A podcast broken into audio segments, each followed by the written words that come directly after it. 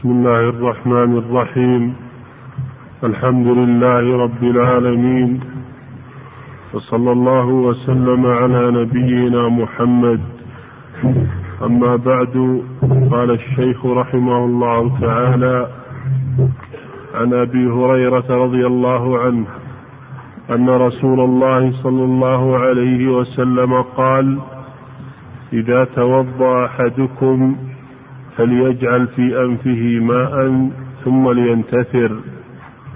ومن استجمر فليوتر. وإذا استيقظ أحدكم من نومه فليغسل يديه قبل أن يدخلهما في الإناء ثلاثا فإن أحدكم لا يدري أين باتت يده.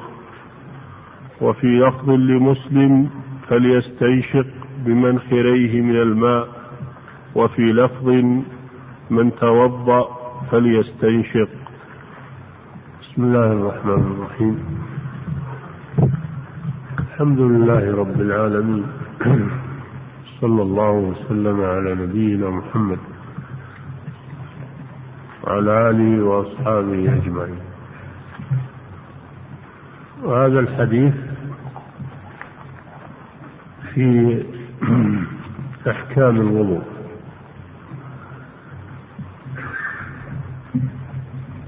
فيه أن فيه ثلاث مسائل. المسألة الأولى مسألة الاستنشاق والاستنكار. المسألة الثانية الاستجمار الخارج من السبيلين. والمسألة الثالثة غسل الكفين بعد النوم قبل أن يدخلهما في الإناء. فأما المسألة الأولى وهي قوله صلى الله عليه وسلم إذا توضأ أحدكم. إذا توضأ يعني أراد الوضوء. وليس المراد إذا فرغ من الوضوء بل المراد إذا أراد الوضوء. كقوله تعالى يا أيها الذين آمنوا إذا قمتم إلى الصلاة فاغسلوا وجوهكم. أي إذا أردتم القيام للصلاة. وليس المراد أنه يتوضأ وهو قائم. كذلك قوله فإذا قرأت القرآن فاستعذ بالله. أي إذا أردت القراءة فاستعذ بالله. وليس المراد إذا فرغت من القراءة فاستعذ بالله. فقوله إذا توضأ أحدكم أي أراد الوضوء فليجعل في أنفه ماء. ثم لينفر وفي آخر الرواية يستنشق الماء ثم ينفر هذا فيه مشروعية الاستنشاق في الوضوء والاغتسال. والاستنشاق هو إدخال الماء إلى الأنف بنفس جذب جذب الماء إلى الأنف بالنفس ثم إخراجه منه بالنثر. أي نثره بالنفس أيضا. فيدخل الماء إلى أنفه فيجذبه بنفسه ثم ينثره. لأن داخل الأنف في حكم الظاهر فهو من الوجه.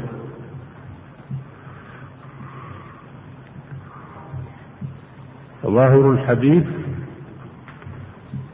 وجوب الاستنشاق في الوضوء. وفي الحديث الآخر في الحديث الآخر وبالغ في الاستنشاق.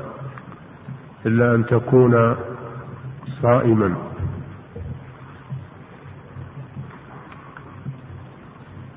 وقد اختلف العلماء في الاستنشاق هل هو واجب أو مستحب. على قولين. قول الأول أنه واجب لأمر النبي صلى الله عليه وسلم به. في هذا الحديث. فلو توضأ ولم يستنشق لم يصح وضوءه.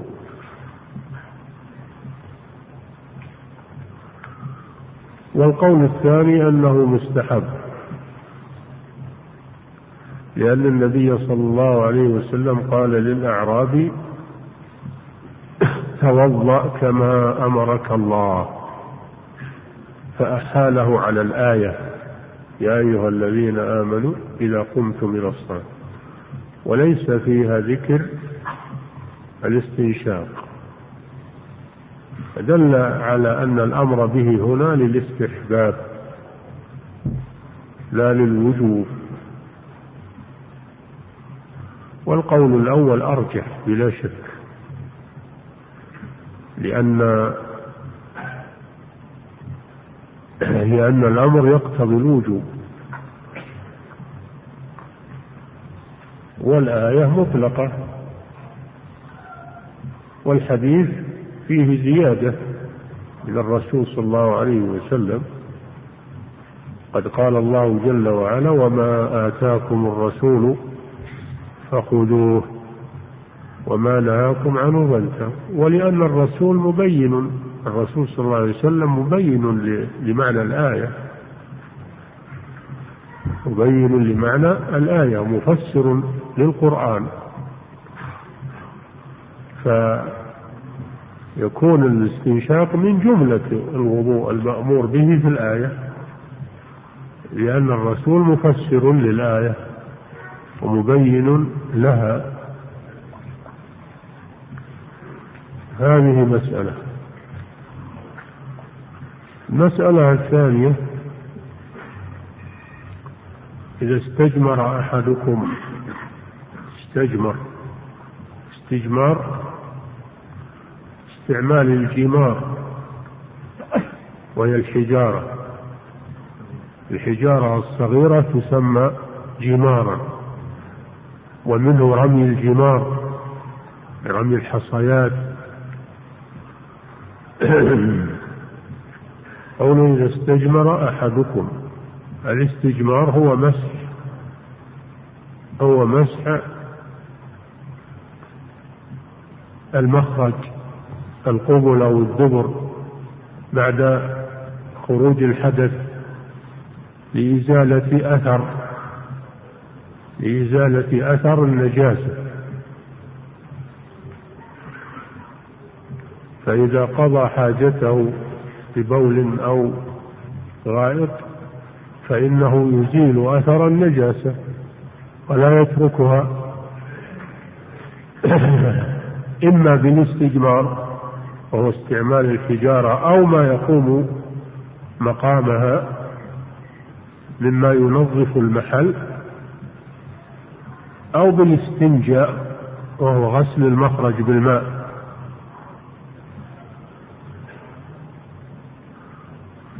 فإن جمع بينهما فهو أحسن إن استجمر ثم استنجى فهو أحسن.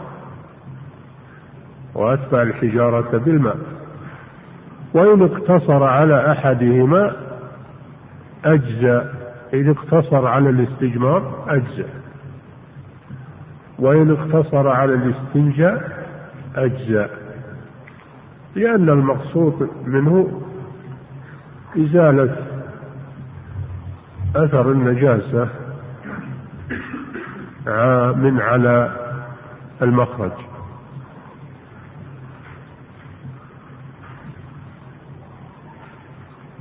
وفي هذا الحديث أنه يوتر بمعنى أنه يستجمر بثلاثة أحجار كما جاء في الحديث الآخر أنه صلى الله عليه وسلم استجمر بثلاثة أحجار.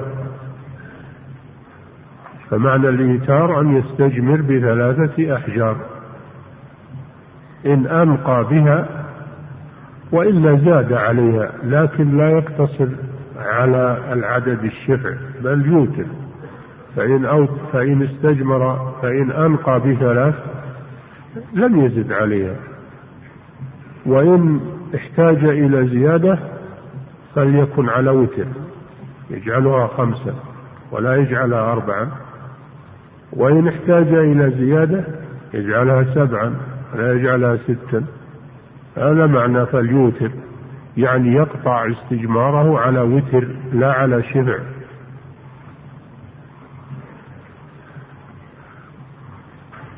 فيه دليل على أن الاستجمار يكفي لإزالة أثر الخارج بشرط أن يكون منقيا. بشرط أن يكون منقيا للمحل ومنشفا له. والأصل فيه الأحجار. وإن استعمل ما يقوم مقام الأحجار قد يكون الإنسان في مكان ليس فيه أحجار. مثل دورات المياه مثل ما فيها أحجار يستعمل ما يقوم مقامها في في تنقية المحل مثل المناديل الخشنة المستعملة مثل قطع الطين قطع الطين القوية. يستعملها يستعمل ما يقوم مقام الحجارة. مما ينقي المحل ولو لم يكن حجارة. إلا أن النبي صلى الله عليه وسلم نهى عن الاستجمار بالروثة كما يأتي. الروث وهي رجيع الدواب. نهى عن الاستجمار به وعن الاستجمار بالعظم. الاستجمار بشيئين الروث والعظم. فدل على أن ما عداهما يستعمل في الاستجمار بشرط أن يكون منقيا يعني منشفا للمحل. لا يستعمل الشيء الأملس أو الشيء الصقيل الذي لا لا ينشف المحل. حتى قال الحنابلة لو استجمر بحجر له شعب حجر واحد له شعب. تقوم كل شعبة مقام حجر. لو استعمل حجرا واحدا له شعب واستجمر بكل شعبة ونقى المحل فإنه يكفي. ولو بحجر ذي شعب كما في متن الزاد. ولكن على كل حال ما فعله الرسول صلى الله عليه وسلم أو لا أو قد يكون هو الواجب وهو أنه استعمل ثلاثة أحجار يسمى الاستجمار ويسمى الاستطابة. يسمى الاستطابة والاستجمار. المعنى واحد.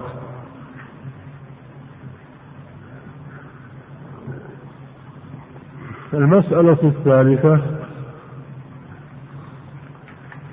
إذا قام أحدكم من النوم فليغسل يديه وليغسل كفيه ثلاثا قبل أن يدخلهما في الإناء فإن أحدكم لا يدري أين باتت يده. فيه مشروعية غسل الكفين للقائم من النوم. للقائم من النوم. وهل المراد مطلق النوم بالليل والنهار أو المراد نوم الليل؟ من العلماء من قال عام الحديث عام في كل من قام من النوم. وأراد أن يتوضأ فإنه يغسل يديه يغسل كفيه ثلاثا. والقول الثاني أن هذا خاص بنوم الليل. وهذا قول الإمام أحمد لأن الرسول صلى الله عليه وسلم قال لا يدري أين باتت يده. والبيات إنما يكون في الليل. أما نوم النهار فلا يسمى بياتا. وغسل الكفين قبل الوضوء مشروع على كل حال سواء قام من النوم أو لم يقم. فإن كان لم يقم من نوم فهو مستحب. كما يأتي في حديث عثمان رضي الله عنه مستحب. أما إن كان قام من نوم سواء نوم ليل أو نوم نهار فالعلماء على قولين. قول الأول أنه واجب وهو قول الإمام أحمد وجماعة من أهل العلم. بظاهر الأمر بظاهر الأمر الأمر يفيد الوجوب ولأنه علل ذلك بقوله فإن أحدكم لا يدري أين باتت يده يدل على الوجوب. وذهب جماعة من أهل العلم إلى أنه للاستحباب مطلقا القائم من نوم الليل أو نوم النهار أو أو من أراد أن يتوضأ ولو لم يسبقه نوم فيستحب غسل الكفين قبل الوضوء. والراجح هو القول الأول أن أن القائم من نوم الليل يجب عليه غسل كفيه ثلاثا قبل أن يدخلهما في الإناء. لظاهر الأمر وللتعليل الذي في الحديث. ويؤخذ من الحديث أيضا أن الماء القليل إذا وقعت فيه نجاسة فإنه ينجس. والمراد بالقليل ما دون القلتين كما يأتي.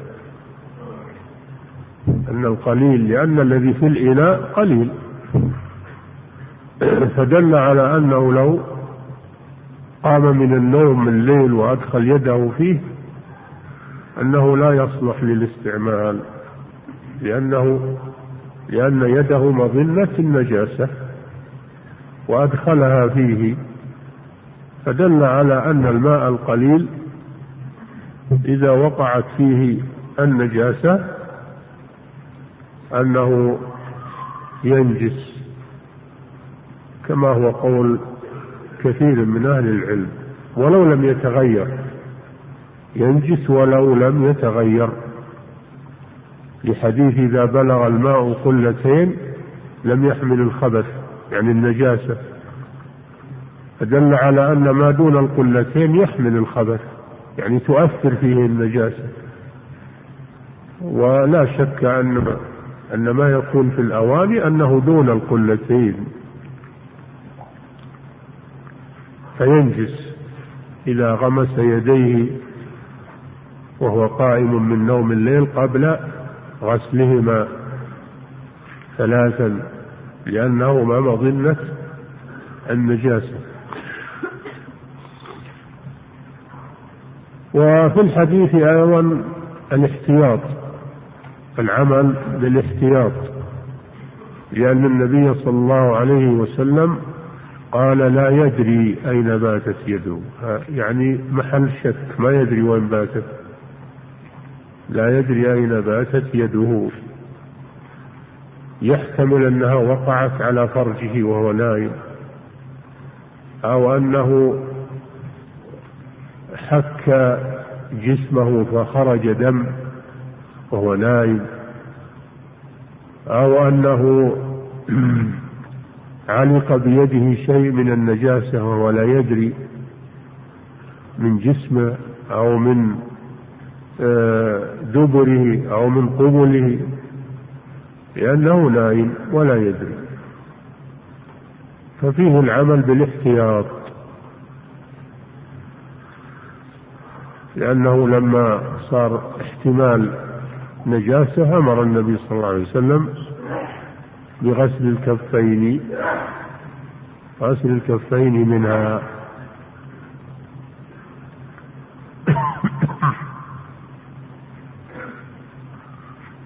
فهذا ما يدل عليه حديث أبي هريرة رضي الله عنه. نعم. عن أبي هريرة رضي الله عنه أن رسول الله صلى الله عليه وسلم قال لا يبولن أحدكم في الماء الدائم الذي لا يجري ثم يغتسل فيه. ولمسلم لا يغتسل أحدكم في الماء الدائم وهو جنوب لا يغتسل. نعم.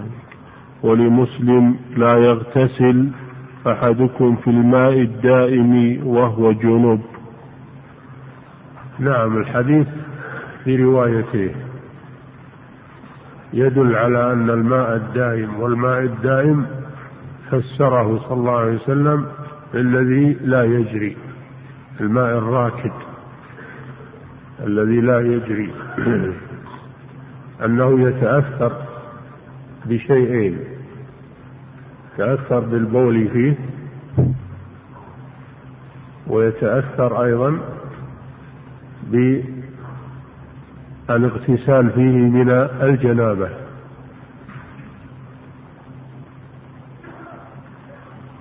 أما المسألة الأولى وهي لا يبولن أحدكم في الماء الدائم هذا فيه النهي عن البول في الماء الدائم يعني الذي لا يجري.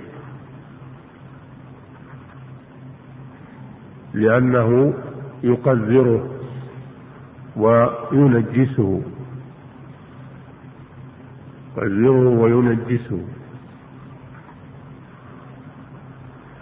وجاء الحديث الثاني في النهي عن أن يبول في الموارد يعني عند عند الماء الذي يورد تشرب منه الدواب ويشرب منه الناس فلا يقضي حاجته عنده لأن ذلك يؤثر ويلوث الناس والدواب وجعل وجعل من فعل ذلك ملعونا.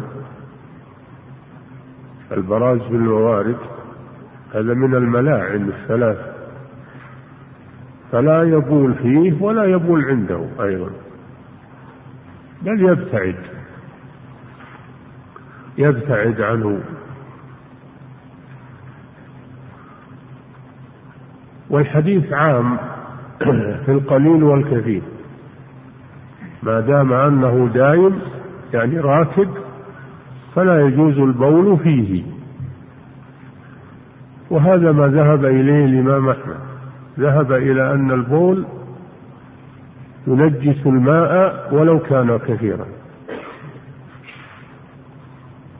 إلا إذا كان يشق نزفه إذا كان يشق نزفه فإنه لا يؤثر فيه. كمصانع طريق مكة وهي البركات التي عملت بالحجارة والجص فصارت تختزن الماء للحجاج في طريقهم وهي براك كبيرة. هذه يشق نزفها فإذا كان يشق نزفه فإنه لا يتنجس ببول الإنسان. قال ومثله من باب أولى العذرة. لا يتغوط فيه. لا يتغوط في الماء الدائم وهو الماء الراكد. فإن فعل فإنه ينجس. ظاهر الحديث سواء كان قليلا أو كثيرا. هذا قول الإمام أحمد. الجمهور يقولون إن كان قليلا فنعم. أما إن كان كثيرا فإنه لا يؤثر فيه البول. بدليل قوله صلى الله عليه وسلم إذا بلغ الماء قلتين لم يحمل الخبث يعني لم تؤثر فيه النجاسة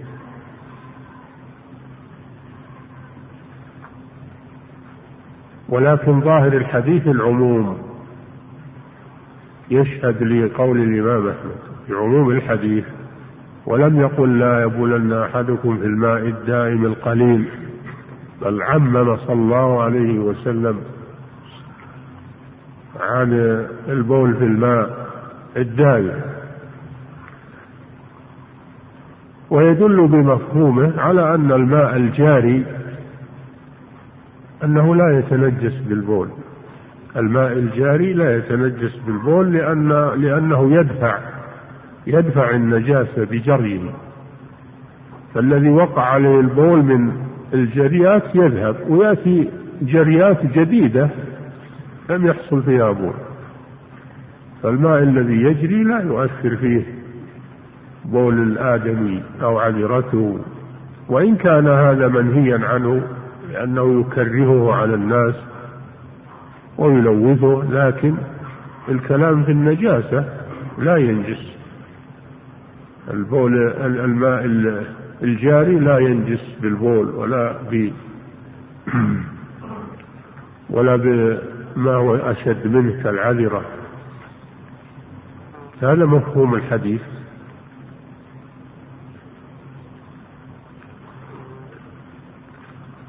والمسألة الثانية قالوا فيه نكتة عن الظاهرية. الظاهرية يأخذون بالظاهر ولا يعتبرون العلل و يعتبرون علل الأحكام وأسرار الأحكام. يقول الرسول نهى عن البول في الماء الدائم. أنه يباشر البول فيه. أما لو بال في لو بال في إناء أو تغوط في إناء حتى لو كان كثير البول لو جمع البول الكثير في إناء وصبه فيه لا يؤثر. لا يؤثر فيه. هذا يقولون هذا جمود جمود على الظاهر.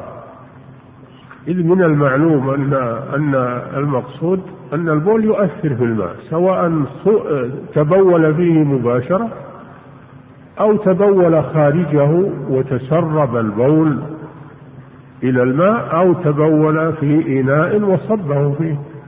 المعنى واحد. فهذا مما عابوه على الظاهرية. ما عابوه على الظاهرية في جمودهم على الظاهر. وعدم اعتبار العلل والأسرار ومقاصد الشريعة. وهذا مما فوت عليهم كثيرا من الفقه. مما فوت عليهم كثيرا من الفقه. طيب أما المسألة الثانية وهي قوله لا يغتسل. لا يغتسل أحدكم في الماء الدائم وهو جنب وهو جنب لا يغتسل هذا نهي. والفعل مجزوم بلا الناهية وعلامة جزمه السكون. لا يغتسل أحدكم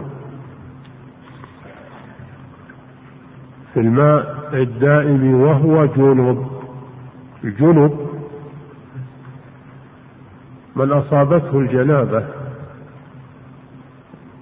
وهي خروج المني منه دفقا بلذة.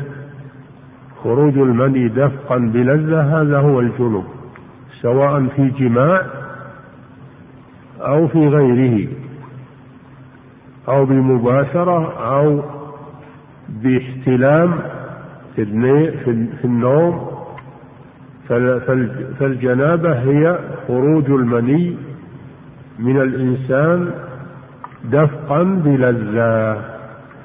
أما لو خرج بدون لذة كالمريض اللي ينساب منه والمصاب الذي لا يمسك ذكره لا يمسك ويخرج منه بدون لذة هذا لا يعد لا يسمى جنبا.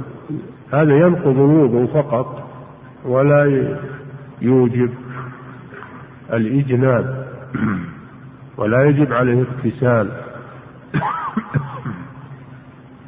هذا معنى الجنب سمي جنبا لأن من المجانبة لأن الماء باعد محله وجانبه. سمي جنبا والجنب يعبر فيه عن عن حصول الجماع. فهذا فيه النهي لمن كان عليه جنابة أن يغتسل في الماء الدائم يعني ينغمس فيه ناويا رفع الحدث. فإن ذلك يؤثر في الماء. ويجعل ويجعله مستعملا. لا تصح الطهارة منه. لأنه صار مستعملا برفع حدث أكبر. هذا ظاهر الحديث وبعض العلماء يقول هذا للكراهة وليس هو ليس هو للتحريم. ولا يسلب الماء الطهورية لكنه مكروه الاستعمال. ولكن ظاهر الحديث أنه يسلبه لأنه مع فائدة الحديث. ودل الحديث بمفهومه كما سبق على أن الماء الجاري لا بأس أن ينغمس فيه. ويغتسل في الماء الجاري ولا يؤثر هذا فيه. إنما الكلام في الماء الدائم الذي لا يجري. نعم. عن أبي هريرة رضي الله عنه أن رسول الله صلى الله عليه وسلم قال إذا شرب الكلب في إناء أحدكم فليغسله سبعا ولمسلم أولاهن بالتراب. وله في حديث عبد الله بن مغفل أن رسول الله صلى الله عليه وسلم قال إذا ولغ الكلب في الإناء فاغسلوه سبعا وعفروه الثامنة بالتراب. نعم هذا الحديث في مسألة ولوغ الكلب في الماء. شرب أو ولغ والولغ هو اللغة العربية. يقال ولغ الكلب إذا شرب بطرف لسانه. إذا شرب بطرف لسانه. هذا هو الولوغ. وفي بعض حديث آخر إذا ولغ أو رواية أخرى إذا ولغ الكلب. إذا ولغ الكلب. في إناء أحدكم. وقوله إذا شرب يعطي إنه إن الماء إن الإناء فيه فيه ماء. شرب منه الكلب. فيكون سؤره نجسا. يعني الباقي بعده نجسا. وأما رواية ولغ فلو لم يكن في الماء في, في الإناء ماء لو أنه آه، لعق لعق الإناء فكذلك مثل ما لو شرب. فهذا معنى ولغ الكلب في إناء أحدهم فليغسله فليغسله سبع مرات سبع مرات. أولاهن بالتراب وفي رواية إحداهن بالتراب وفي رواية أخراهن بالتراب وفي رواية وعفروه الثامنة بالتراب. فدل هذا الحديث على مسائل. المسألة الأولى أن الكلب نجس نجاسة مغلظة. نجاسة مغلظة لأن النجاسات على ثلاثة أقسام نجاسة مغلظة وهي نجاسة الكلب والخنزير وما في معناهما ونجاسة مخففة وهي نجاسة بول الغلام الذي لم يأكل الطعام وهذا يأتي. هذه مخففة يكفي فيها الرش والنشر. يكفي فيها الرش والنضح. وكذلك نجاسة المذي. المذي هذا نجس لكن نجاسته مخففة. يكفي فيها النضح. إذا أصاب الثوب أو البدن يكفي فيه النضح. أما المني فهو طاهر. المني طاهر إنما المذي وهو الذي غير المني. هذا نجس لكن نجاسته مخففة. النوع الثالث نجاسة متوسطة وهي بقية النجاسات كنجاسة البول والغائط والدم هذه نجاسة متوسطة. تغسل حتى تزول. تغسل حتى تزول بدون تحديد بعدد. هذه أنواع النجاسات. والتي معنا الآن النجاسة المغلظة. وهي نجاسة الكلب وما في معناه كالخنزير. الحديث يدل على نجاسة الكلب وأنها نجاسة مغلظة لأن الرسول صلى الله عليه وسلم أمر فيها بأمرين الأمر الأول أن تغسل سبعا الأمر الثاني أن تعفر بالتراب. هذا دليل على غلظ النجاسة.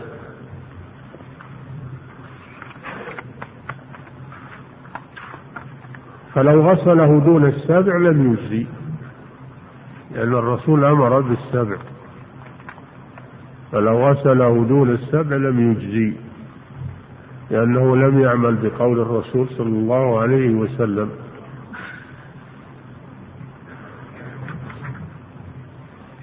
ودل الحديث على استعمال التراب في تطهير الإناء بعد الكلب.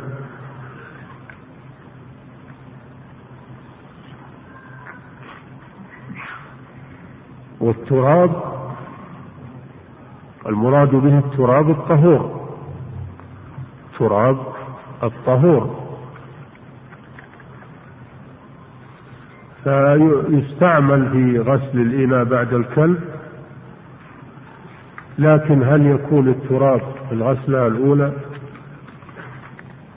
كما جاء في الرواية أو يكون في, في الأخيرة؟ كما جاء في رواية أخرى أو يكون في إحدى الغسلات الأولى أو الثانية أو الوسط أو الظاهر والله أعلم أن المقصود وجود التراب سواء استعمله في الغسلة الأولى أو استعمله في الغسلة الأخيرة أو استعمله في الوسط. المقصود وجود التراب في غسل الإناء بعد الكلب. ففي أي غسلة جعل التراب أجزأ؟ لأن الروايات جاءت بهذا وهذا. هذا هو الصحيح. أن المقصود استعمال التراب في أي غسلة من الغسلات وما كيفية استعمال التراب؟ على قولين. القول الأول أنه يذر التراب في الإناء ويغسله. يذر التراب في الإناء ثم يغسله. والقول الثاني أنه يذر الماء في أنه يذر التراب في الماء. يذر التراب في الماء ثم يغسل به الإناء. وعلى كل حال الأمر واسع في هذا. المهم وجود التراب سواء ذره في الإناء أو ذره في الماء.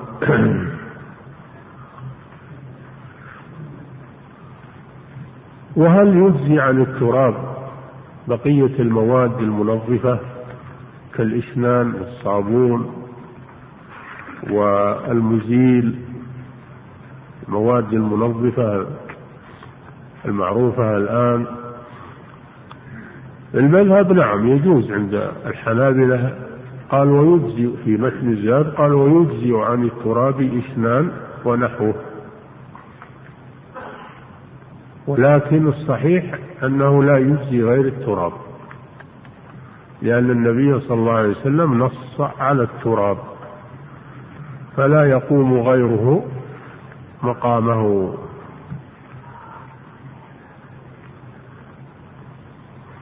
ولأن التراب أحد الطهورين. الله أمر باستعمال الماء في الطهارة فمن لم يجد يتيمم صعيدا طيبا. فالتراب أحد الطهورين. وليس ذلك في الصابون والإشنان و... لا يتطهر بالصابون ولا بالإشنان إذا عدم الماء. فالتراب له خاصية أنه أحد الطهورين. فلا يعدل عنه.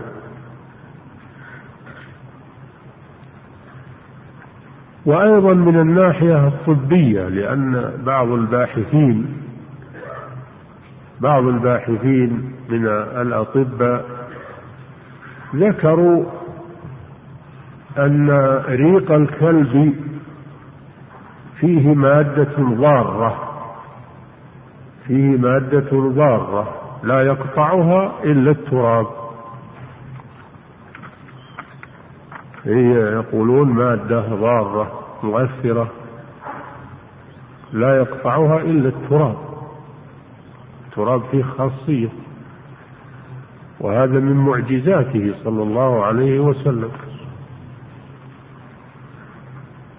حيث إنه نص على شيء أدرك الأطباء فيما بعد أنه لا ينفع غيره في هذا الشيء. يكون هذا من الإعجاز في الحديث. على كل حال تعليم بأن التراب أحد الطهورين هذا أقوى بلا شك.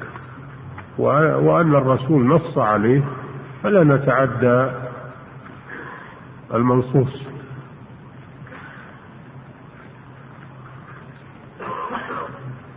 ويؤخذ من هذا الحديث تحريم اقتناء الكلاب. تحريم اقتناء الكلاب. وقد جاءت الأحاديث في النهي عن اقتنائها. وأن من اقتنى كلبا إلا لماشية أو أو زرع أو صيد أنه ينقص من اجره كل يوم قيراط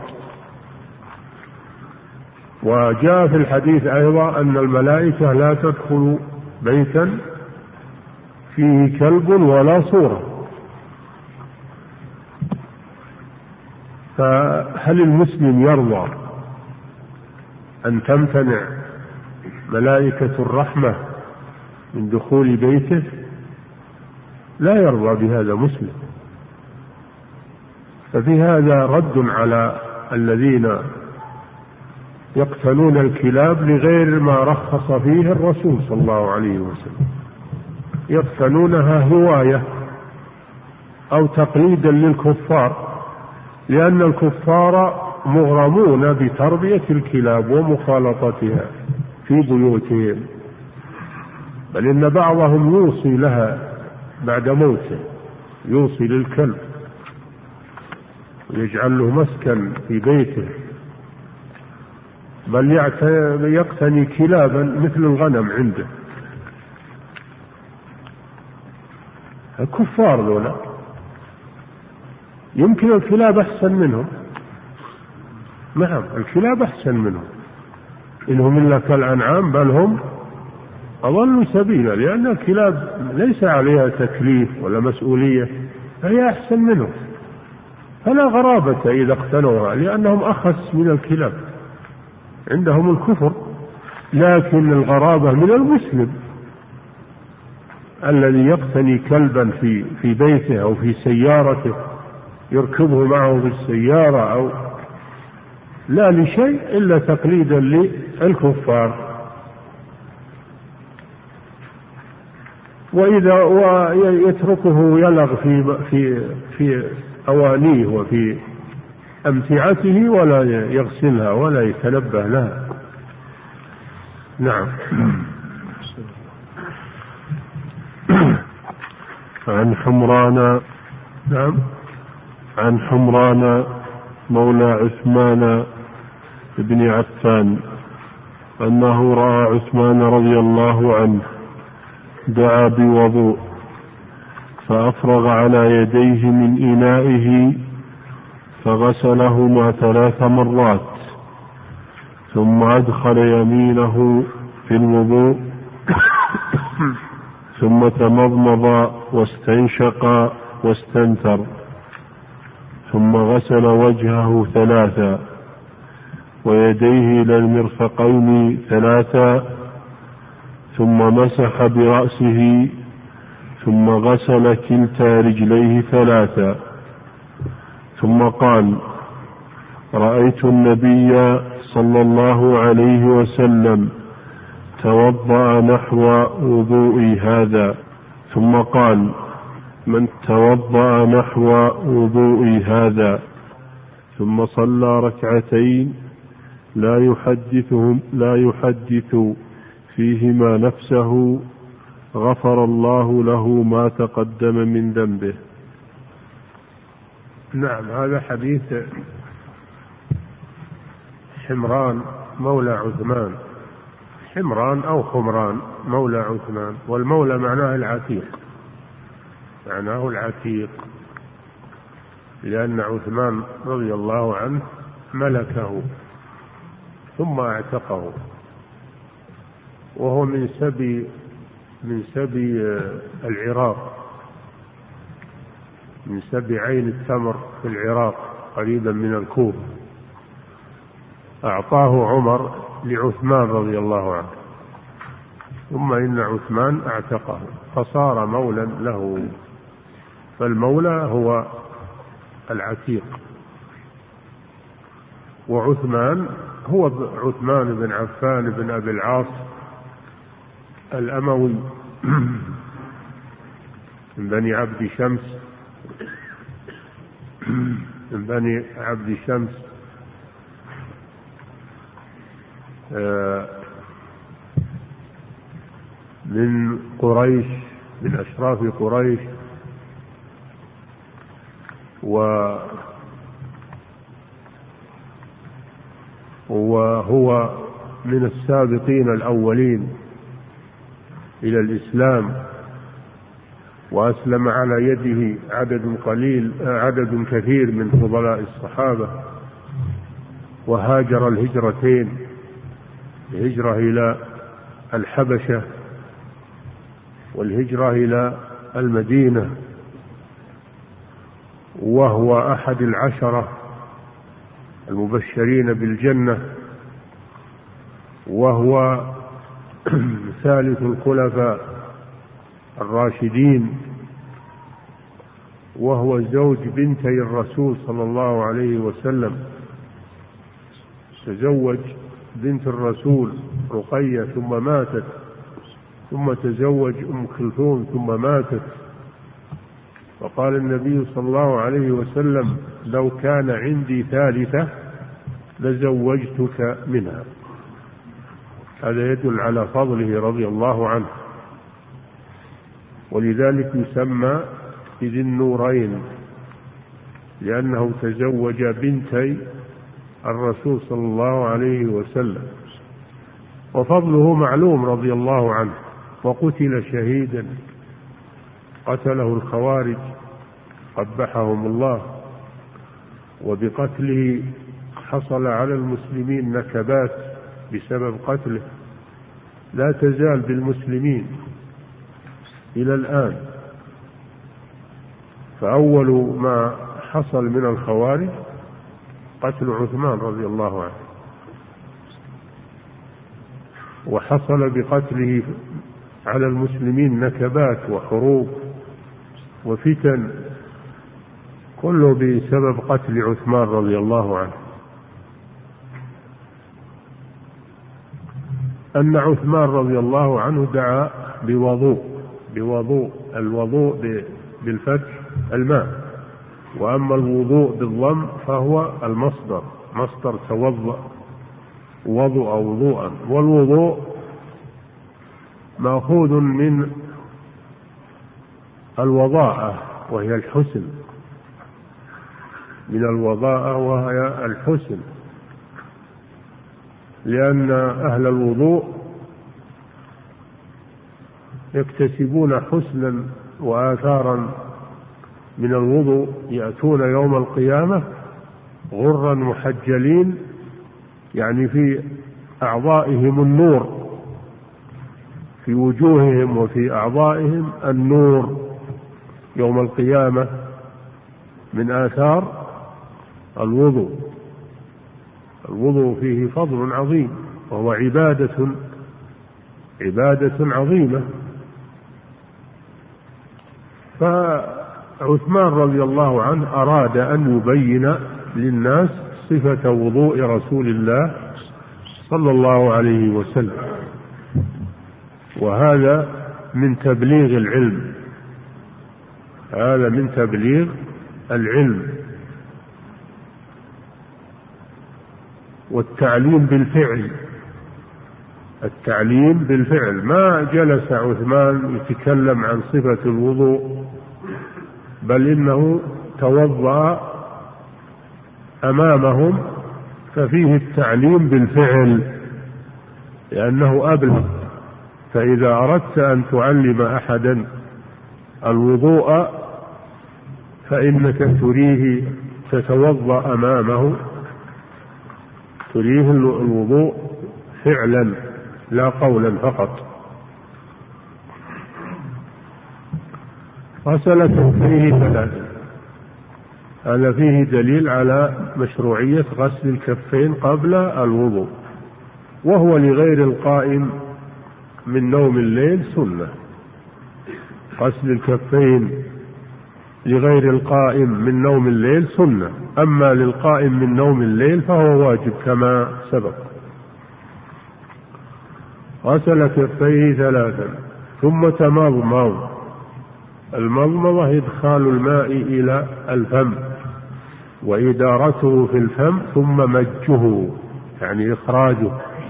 لا يبتلعه بل يمجه بمعنى أنه يخرجه من فمه.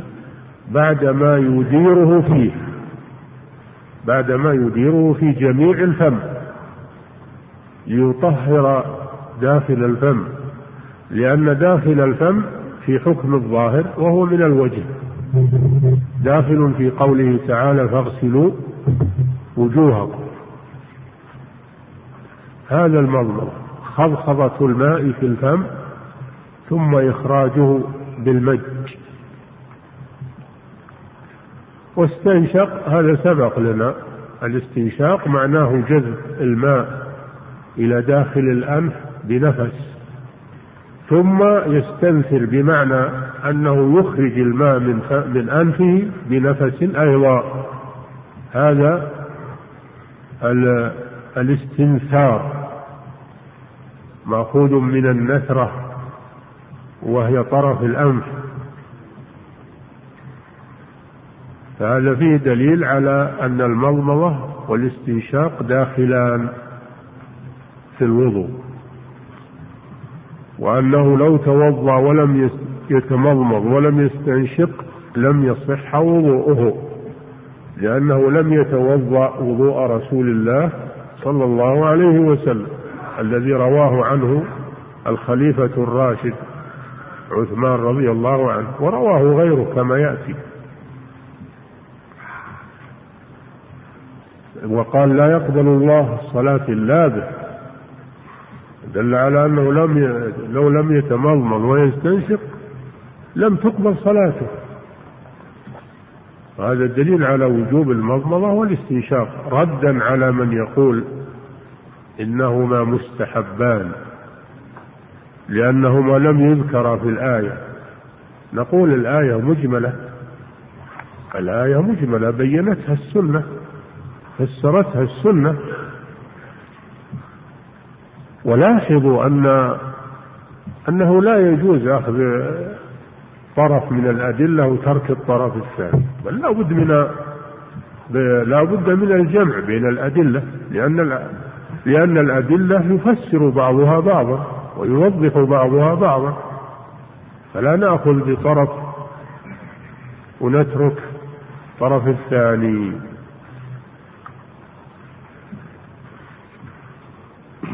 تمضمض واستنشق. ثم غسل وجهه. ثلاثا الوجه ما تحصل به المواجهة. الوجه ما تحصل به المواجهة. قد حدده العلماء بأنه من منابت شعر الرأس المعتاد. طولا إلى من حدر من الذقن. واللحيين. طولا يعني طول الوجه يبدأ من منابت شعر الرأس المعتاد فلا عبرة بالأجلح ولا بالأفرع بل المعتاد. الأجلح الذي ليس في ناصيته شعر و آه، لا عبرة بالأجلح ولا ها؟ بال نعم. لا عبرة بالأجلح ولا بالأفرع. الأفرع الذي ينبت الشعر في جبهته. هذا أفرع. المراد بالمعتاد. منابت شعر الرأس المعتاد. هذا من الجهة العليا. ومن الجهة السفلى من حدر من اللحيين لأن في جانبي الوجه عظمان يسميان باللحيين يجتمعان في الذقن يجتمعان في الذقن وينبت عليهما شعر اللحية. فهذا كله الوجه طولا. وأما عرضا فمن الأذن إلى الأذن. هذا تحديد الوجه عرضا. كل هذا يجب غسله. كل هذا يجب غسله في الوضوء ولو ترك شيئا منه لم يصح وضوء وقوله ثلاثا الواجب مرة. الواجب مرة. والثلاث سنة. لو غسله مرتين أو ثلاثا فهذا سنة ومستحب وإن اقتصر على واحدة أجزأت.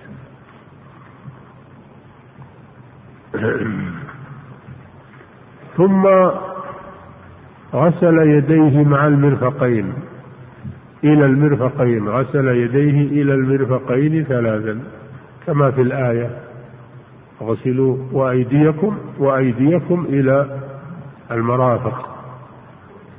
والمرفق هو مفصل الذراع من العضد مفصل الذراع من العضد. هذا هو المرفق وأما مفصل الذراع من الكف هذا يسمى بالكوع. مفصل الذراع من الكف يسمى بالكوع. ومفصل العضد من آه، من الكتف هذا يسمى بالكتف. فاليد فيها ثلاثة مفاصل مفصل من الكتف ومفصل من المرفق ومفصل من من الكف. والمطلوب غسل الأيدي إلى المرافق. ولا بد من غسل المرفق مع الذراع. بقول لأنه صلى الله عليه وسلم لما توضأ أدار الماء على مرفقيه. فدل على أنهما داخلان في المغسول. فعلى هذا تكون إلى بمعنى مع. وأيديكم إلى المرافق يعني مع المرافق لأن إلى تأتي بمعنى مع. إلى الانتهاء الغاية.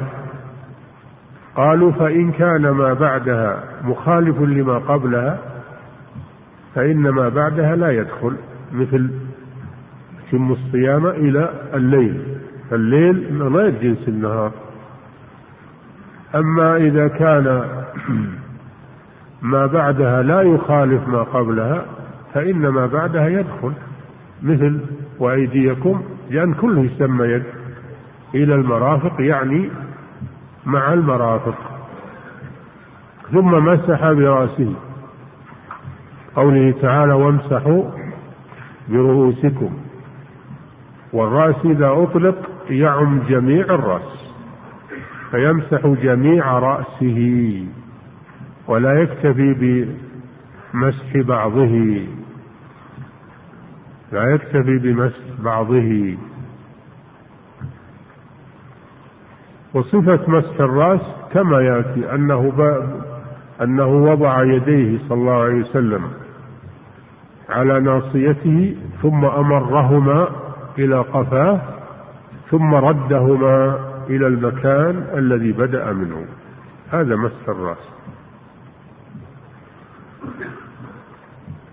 والمسح هو المسح غير الغسل. المسح أن تضع يديك مبلولتين بالماء على رأسك وتمرهما عليه. هذا هو المسح وأما الغسل فلا بد من إفاضة الماء على العضو. ثم غسل رجليه ثم غسل كلتا كلتا رجليه مع مع الكعبين ثلاثا. ما يقال في في المرفقين يقال في الكعبين. والكعبان هما العظمان الناتئان في أسفل الساق. العظمان الناتئان في أسفل الساق. هؤلاء هما الكعبان إلى الكعبين. والكعبان داخلان في الغسل. يغسل رجليه مع الكعبين. ثلاثا هذا سنة وواحدة هذا هو الواجب.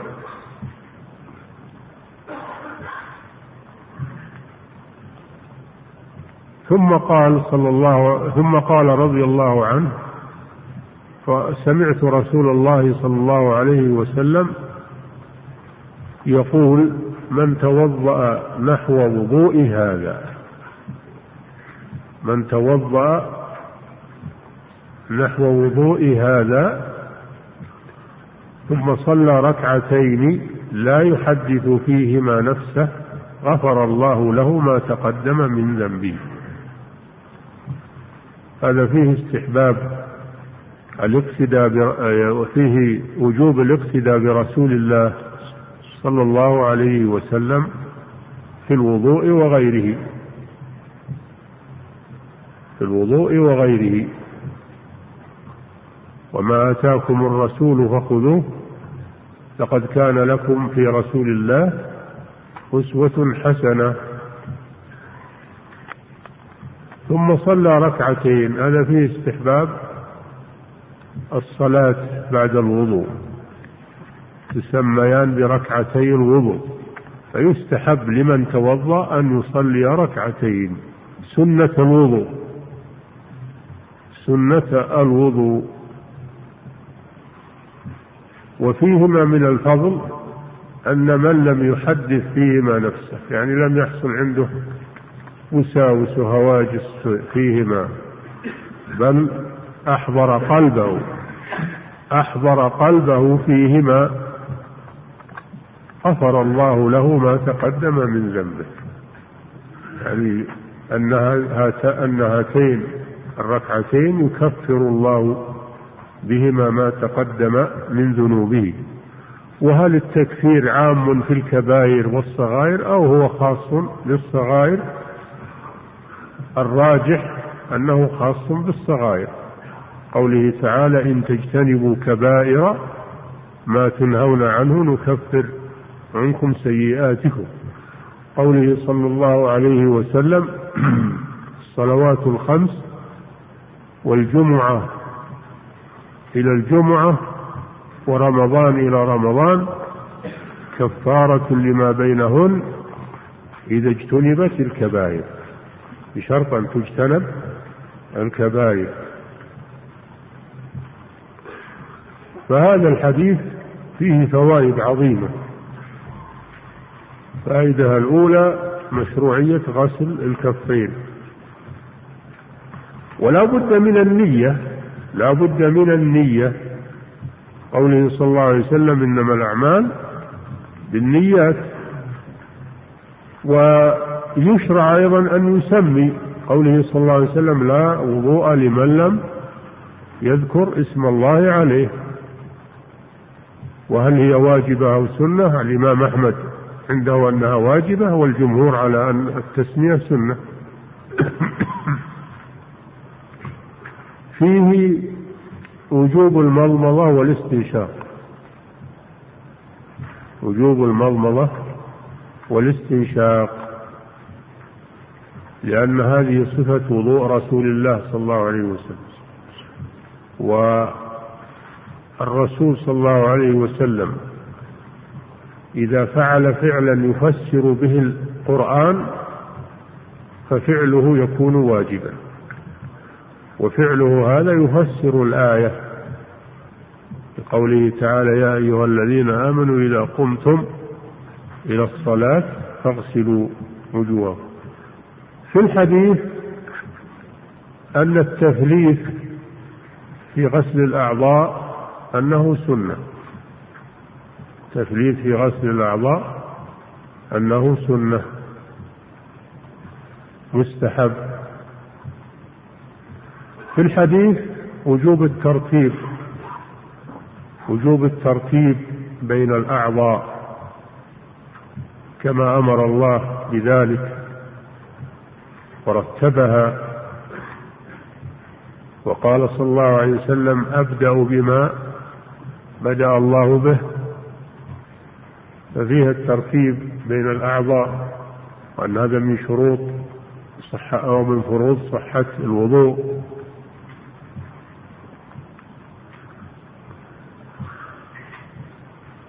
وفيه استحباب صلاة وفيه الموالاة.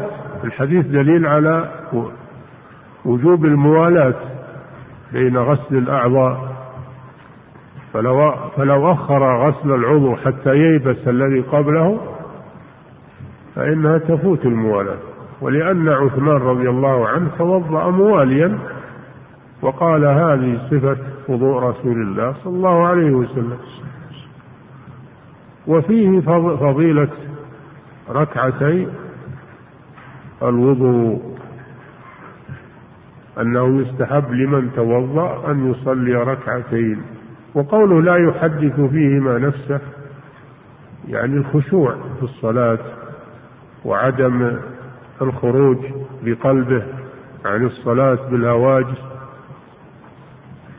وإذا عرض له شيء فعليه أن يبادر بالرجوع إلى صلاته ولا يستمر مع حديث النفس بل يبادر. بالرجوع إلى صلاته ولا يضره ذلك إن شاء الله. أما لو استمر في الهواجس حتى فرى إنه لا يكتب له أجر لا في الفريضة ولا في النافلة. لا يكتب له من صلاته إلا ما عقل منها كما جاء في الحديث. هذا والله أعلم صلى الله وسلم على نبينا محمد وعلى آله وصحبه أجمعين.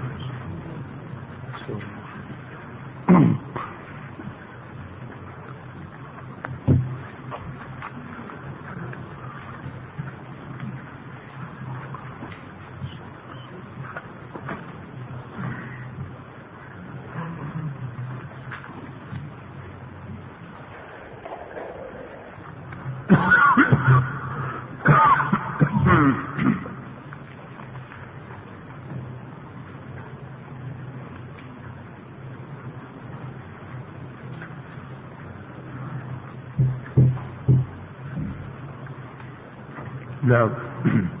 فضيلة الشيخ يقول السائل هل مسح الأذنين واجب؟ وما هي كيفية المسح؟ هذا يأتي إن شاء الله. مسح الأذنين واجب. لابد من ظاهرهما وباطنهما. لأن الأذن لأن الأذنين من الرأس. الله جل وعلا قال وامسحوا برؤوسكم. والأذنان من الرأس.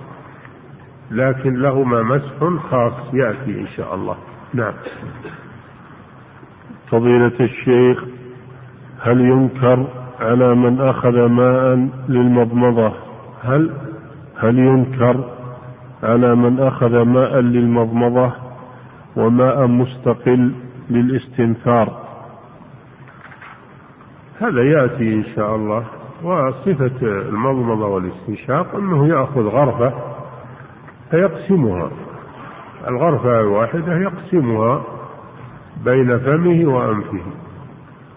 يأخذ ثلاث غرفات. كل غرفة يقسمها بين فمه وأنفه. نعم.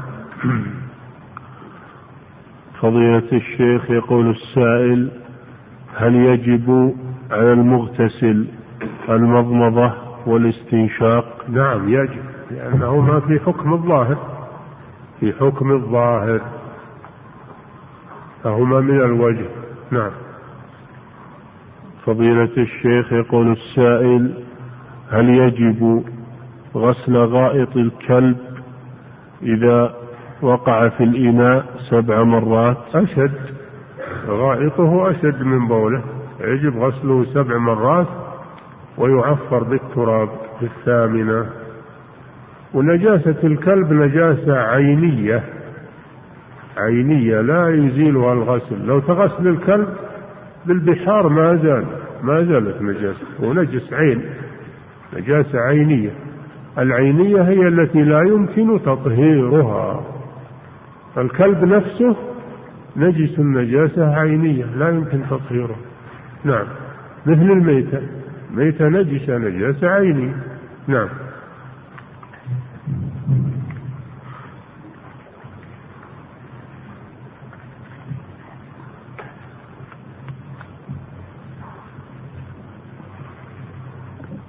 نعم. فضيلة الشيخ يقول السائل ذكر الفقهاء رحمهم الله أن يكون ما يستجمر به مباحا فما المقصود بذلك؟ لا مباح يعني ليس لأحد ليس مملوكا لأحد. المباح هو الذي ليس مملوكا لأحد وإنما لكل أحد أن ينتفع به. نعم. فضيلة ويخرج بذلك أيضا ما نهى الرسول عنه كالعظم. والروث هذا غير مباح. نعم. فضيلة الشيخ يقول السائل ما حكم اقتناء القطط كفعل أبي هريرة رضي الله عنه؟ لا بأس. اقتناء القطط لا بأس. بدليل حديث المرأة التي دخلت النار في هرة حبستها في هرة لها حبستها فلا هي أطعمتها ولا هي تركتها تأكل من خشاش الأرض دل على أنه لأنها لو أطعمتها وسقتها أنه لا بأس باقتنائها. والهر الهر من الطوافين من هو غير نجس وما يشرب منها ويأكل منها غير نجس لأنه من الطوافين الذي التي تطوف على الناس في بيوتهم. ولو كانت نجسة لشق ذلك على المسلمين. نعم. فضيلة الشيخ يقول السائل هل الاستجمار بالتراب مجزئ؟ لا. لا يجزي الاستجمار بالتراب. لا بد من الحجر أو ما يقوم مقام الحجر في, في الإنقاء. التراب يلوث ولا ولا ينقل نعم. فضيلة الشيخ يقول السائل هل يجوز لمس الكلب إذا كان في البيت؟ لمس الكلب إيه؟ لا بأس بلمسه إذا كان يابسا لا بأس بلمسه. لا بأس بلمسه إلا أنه لا يعلق به شيء من ريقه أو من بوله أو أما مجرد لمسه يابس ما في شيء. نعم. فضيلة الشيخ يقول السائل رجل فاتته الصلاة فهل يصلي في بيته ليستر على نفسه أم يصلي في المسجد ليحصل على أجر الصلاة في المسجد؟ هو بالخيار إن شاء صلى في بيته وإن شاء صلى في المسجد لكن صلاته في المسجد أحسن من أجل لعله أن يأتي من يصلي معه. لعله يأتي من يصلي معه. نعم.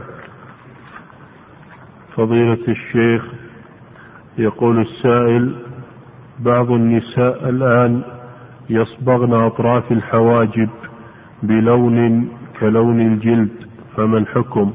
هذا من العبث بالحواجب ولا يجوز لا يجوز العبث بالحواجب لا بتشقير. ولا بقص أو نتف أو حلق هذا النمص. لا يجوز العبث بالحواجب. هذا من المشكل أن النساء تعبث بالحواجب والرجال يعجبون يعبثون باللحى لأن الرسول صلى الله عليه وسلم نهاهم عن ذلك نهى النساء عن العبث بالحواجب ونهى الرجال عن العبث باللحى فالشيطان يزين لهم هذا ويحثهم على معصية الرسول صلى الله عليه وسلم. نسأل الله أن يهدينا وإياهم. نعم. أحسن الله إليك. فضيلة الشيخ يقول السائل إذا قام الإمام إلى في صلاة الظهر إلى ركعة خامسة إذا إذا قام الإمام في صلاة الظهر إلى ركعة خامسة. نعم. فماذا نفعل والحالة هذه؟ إذا كنت تعلم أنها خامسة يحرم عليك القيام. تجلس. إما أن وتتشهد. إما أن تنتظر. تسلم معه. وإما أن تسلم لنفسك. ولا يجوز لك أن تقوم معه وأنت تعلم أنها خامسة. فإن قمت بطلت صلاتك لأنك زدت فيها متعمدا فتبطل نعم فضيلة الشيخ يقول السائل يصلي بعض يصلي بعض العوام أربع ركعات إذا دخل المسجد لصلاة الفجر نعم. ويقول ها؟ يقول يصلي بعض العوام أربع ركعات إذا دخل المسجد لصلاة الفجر ويقول ركعتين تحية وركعتين سنة سنة الفجر. فهل ينكر عليهم في هذه الحالة؟ نعم ينكر عليه لأن الرسول صلى الله عليه وسلم قال إذا طلع الفجر فلا صلاة إلا ركعتي الفجر. ويصلي ركعتي الفجر وتجزي عن تحية المسجد. نعم. فضيلة الشيخ يقول السائل هل يلحق الإثم ملاك العمائر الذين يسكنون فيها من يتخلف عن الجماعة وخاصة صلاة الفجر ويضعون الدشوش وما الواجب على ملاك العمائر؟ إذا كانوا يعلمون بهذا ويرضون بهذا فلا يجوز لهم لأن هذا من الإعانة على المعصية ومن الرضا بالمنكر. أما إذا كانوا ما يعلمون عن هذا الشيء ليس عليهم شيء لأنهم معذورون.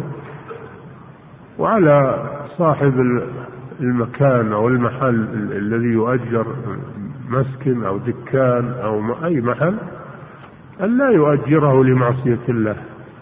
ولا يؤجره لمن يعصي الله فيه. لا يؤجره لأن هذا من التعاون على الإثم والعدوان. نعم.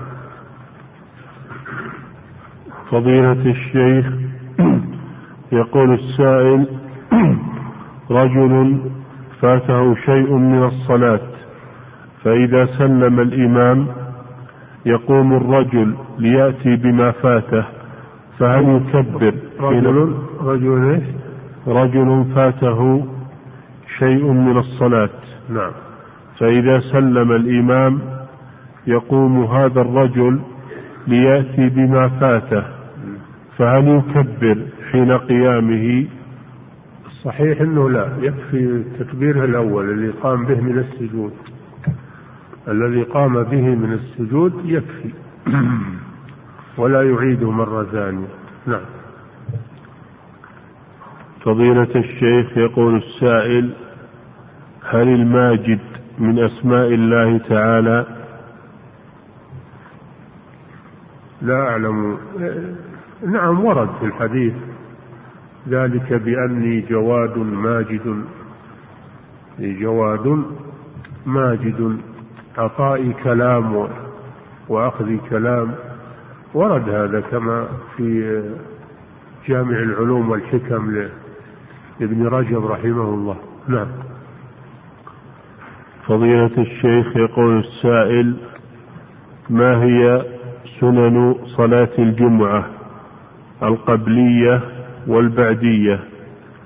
أما صلاة الجمعة ليس لها راتبة قبلية وإنما من جاء يصلي ما تيسر له من باب النفل المطلق وتحية المسجد. من باب تحية المسجد والنفل المطلق.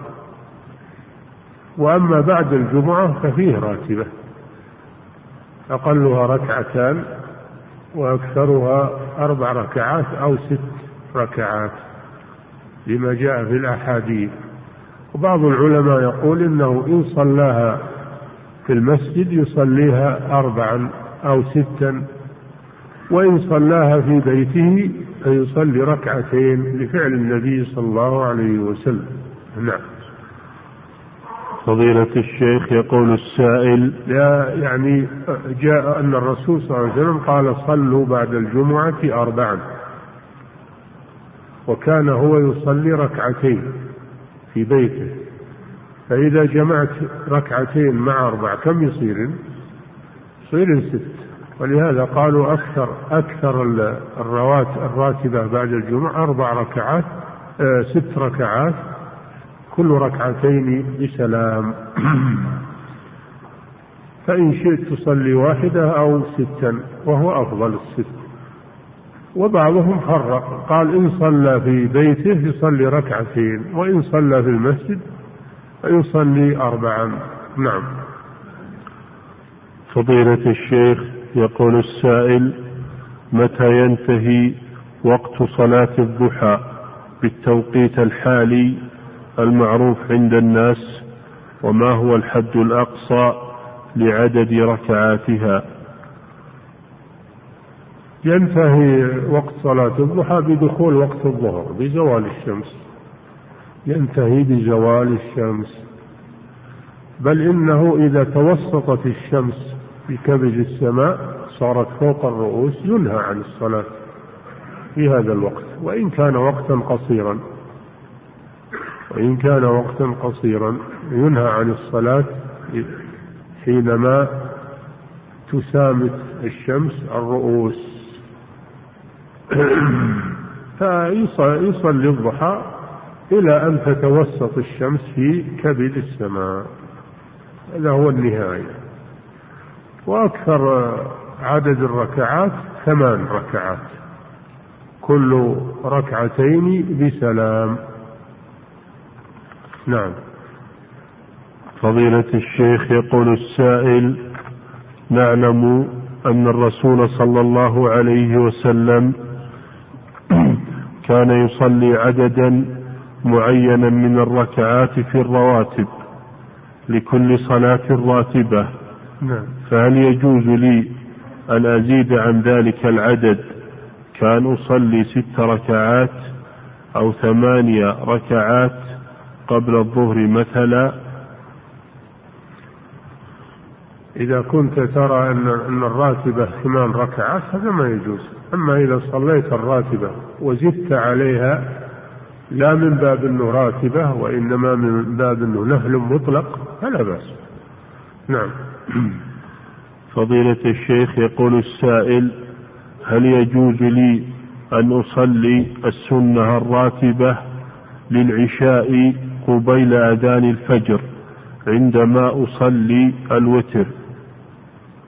يا أخي وش الداعي لهذا؟ إذا صليت العشاء صل بعدها الراتبة لئلا تنساها.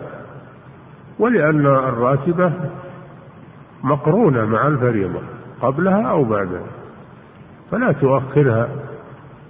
نعم. والنبي صلى الله عليه وسلم كان يصلي الراتبة بعد الفريضة. ما كان يؤخرها. أن يصليها بعد الفريضة في بيته. نعم. والله تعالى أعلم.